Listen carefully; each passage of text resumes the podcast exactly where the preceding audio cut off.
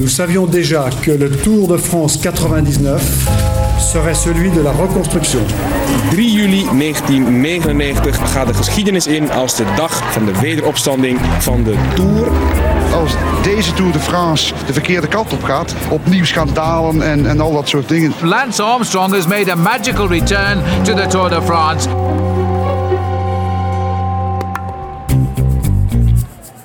Radio Tour de France verslaggever Steven Dalebout onderzoekt hoe de tijd onze kijk op de wielergeschiedenis verandert.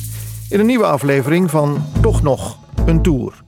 Ik ben op zoek naar Peter Plag, de huisarts die met Rabobank meereisde in die Tour van 99.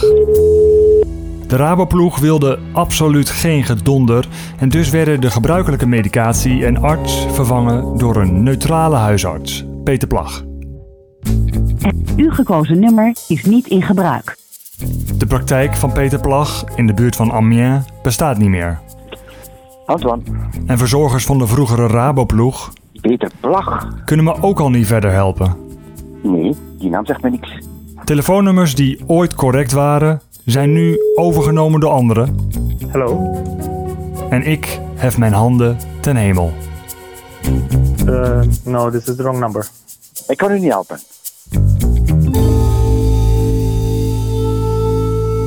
Ben nu drie dagen op zoek geweest naar Peter Plag, maar kom geen stap verder. Op Twitter stuurt iemand me een artikel uit Trouw van 17 juli 1999. Daarin staat: Peter Plag is een vriendelijke plattelandsdokter die er geen trek in heeft ineens uit te groeien tot een nationale bekendheid. Daarom komt hij niet in de publiciteit. Peter Plag wilde liever op de achtergrond blijven. Maar het begint erop te lijken dat de personages uit de Tour van 99 sowieso weinig zin hebben om terug te kijken. Theo de Rooij wilde eerder wel praten, maar ook hij benadrukte toen dat die periode eind jaren 90 lastig voor hem was. Een chaotische tour eh, om nooit meer te vergeten. En eh, de tour van 98 heeft er ook voor gezorgd dat ik daarna ook geen enkele tour meer met, eh, met het plezier heb beleefd als, als de toeren die ik er tientallen jaren ervoor heb gedaan.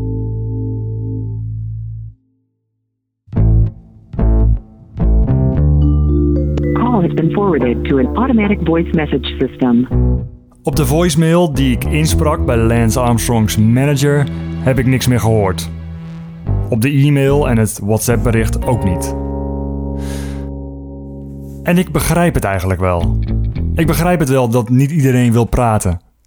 Voor mij is het interessant om terug te kijken op de Tour van 99. Voor de hoofdpersonen roept het emoties op. Ze kijken misschien wel liever vooruit. Toch stuurde ik Armstrongs ploegleider Johan Bruineel een bericht op Facebook. Is hij 20 jaar na dato bereid terug te blikken op die eerste van een lange serie hoogtijdagen van Lance Armstrong?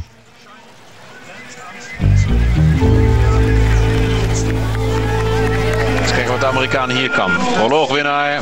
Hij gaf, hoe gek en hoe vreed dat het ook mogen klinken, hij gaf de Ronde van Frankrijk 1999 een geweldige bloedtransfusie. Een injectie van, jeetje mina. Transfusie. Ja, ja, zo was het wel. Lance Armstrong had na de proloog van 99 het geel al twee dagen gedragen. Na een week van massasprints stond het peloton op het punt de Alpen in te gaan. Maar eerst nog een tijdrit van 56 kilometer in Metz. Armstrong is riding an incredible race. And this is what is happening. Lance Armstrong, it's all coming together again. This is a man who really has learned to time trial and is beginning to embarrass everybody. Hier komt Armstrong heel hard aanrijden. This is great. Look at this. This is Armstrong catching a man who started six minutes in front of him.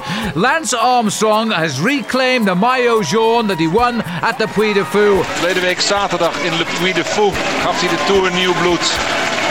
Nu, geweldig gejuich voor de Amerikaan. De Tour van 99 was nu echt onderweg. Armstrong was buitenaards goed in de tijdritten. Er bleef nog één vraag over. Hoe zou hij het gaan doen in de bergen?